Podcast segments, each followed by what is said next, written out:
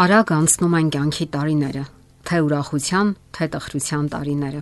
Աննկատ անցնում են ամուսնական միաբանության առաջին 10-ը, ապա 20 եւ ավելի տարիները։ Եզրագիծը մոտ է, եւ դուք անհանգստանում եք։ Կյանքի ձեր մարաթոնը հաղթահարել եք եւ թափվում են աշտանային առաջին տերևները։ Ավելի հաճախ եք մոտենում հայելուն եւ նկատում ոչ սակավաթիվ ճերմակները, հաստատուն, անողոք եւ անդրդվելի դրանք ավելանում են։ Ամուսնությունից 20-30 տարի հետո ձեր կյանքը մտել է մի նոր փուլ, որը անվանում են կյանքի միջնամաս կամ էլ այսպես ասած դատարկ բնի ժամանակաշրջան, երբ ձեր երեխաները իրենց սեփական կյանքն ունեն։ Շատ մասնագետներ կարևորել եւ յուրովի մեկնաբանել են այդ շրջանը եւ համակարծիք են սկզբունքային հարցերում։ Նրանք նշում են, որ հարկավոր է գիտակցված եւ առանց ավելորդ խոճապի մոտենալ կյանքի այդ ժամանակաշրջանին։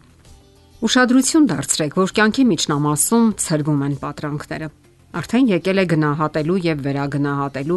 կյանքի արժևորման եւ հետ նայելու ժամանակաշրջանը։ Նկատվել է ուշագրավ մի փաստ։ Այլ հիմնախնդիրներից զատ տղամարդը կյանքի միջնամասում տարօրինակ ճշնամի է տեսնում իր սեփական ընտանիքը։ Հիմնավորում ճանաչող այս փաստը հաստատված է փորձերով։ Տղամարդը սկսում է կասկածել իր ուժերին, քննել իր կյանքը, ամայություն մտցնել ընտանիքի մեջ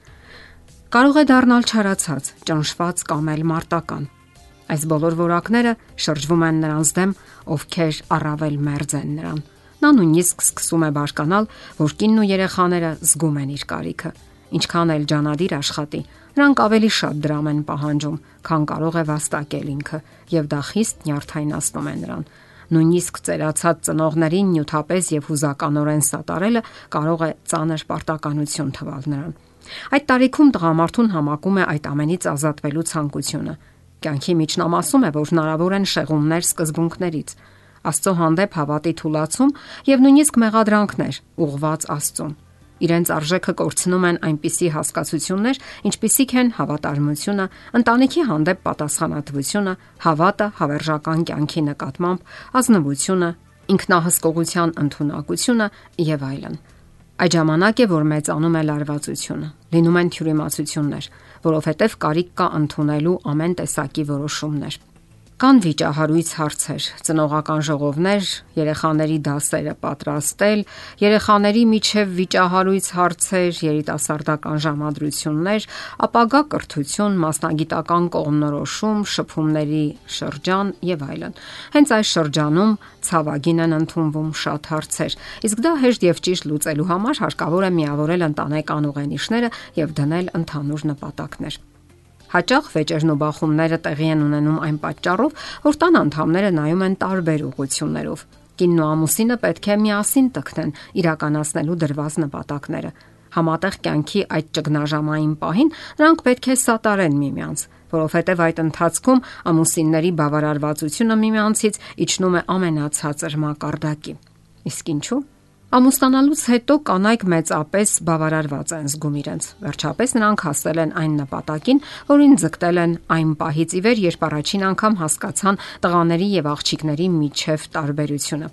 Սակայն առաջին երեխայի հայտնվելուց հետո բավարարվածությունը ամուսնությունից կրկնակի նվազում է, ընդդուպ համատեղ կյանքի միջնամասը կանանց մեծ մասը ծայրահեղ հիվանդագին է տանում փոփոխությունները ամուսնական հարաբերություններում։ Իսկ շատ տղամարդիկ ոչ մի պատկերացում չունեն կնոջ իսկական զգացումների մասին։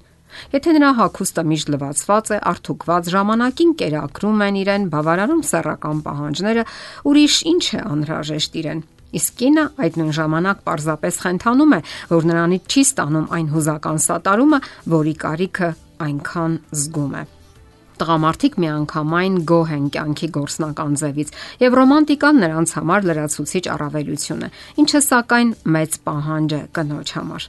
Տղամարդիկ ի տարբերություն կանանց ամուսնության առաջին տարիներին այնքան էլ գոհ չեն կյանքից։ Նրանք հետագայում են հաճույք զգում, հմտանալով եւ առաջ շարժվելով, պաշտոնի հասնելով աշխատանքի մեջ։ Իսկ երբ կնոջ տրամադրությունը սկսում է անշեղված թարանալ, ճգնաժամը հասունանում է։ Այս ճգնաժամը ծանր փորձություն է ընտանիքի համար։ Երեխաների ինքնուրույն կյանք մտնելու ընթացքը ավելի է խախտում տան հավասարակշռությունը։ Շատ բան որ ծածկված էր ամենօրյա կենցաղի ունայնության եւ վազվզոցի հետևում, այժմ բացահայտվում է մեր կացված հիմնախնդիրների տեսքով։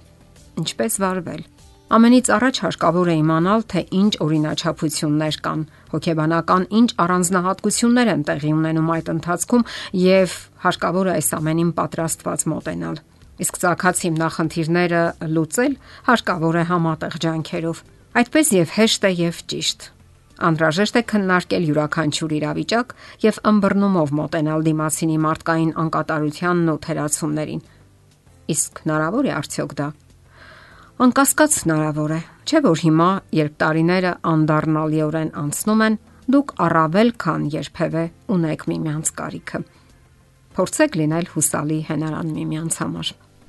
Եթերում է ընտանիք հաղորդաշարը։ Ձեզ հետ է Գեղեցիկ Մարտիրոսյանը։ Հարցերի եւ առաջարկությունների դեպքում զանգահարեք 094 08 2093 հեռախոսահամարով։ Հետևեք մեզ hopmedia.am հասցեով։